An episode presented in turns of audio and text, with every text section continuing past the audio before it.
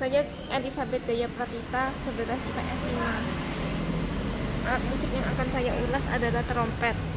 Pada pertunjukan Tanjidor, suara yang dihasilkan oleh trompet ini sangat keras dibandingkan dengan alat musik lainnya.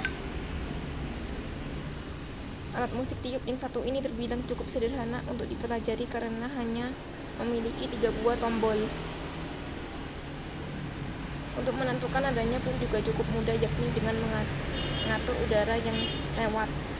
Yang butuh dipelajari ketika memainkan alat musik ini adalah konsistensi peniupan.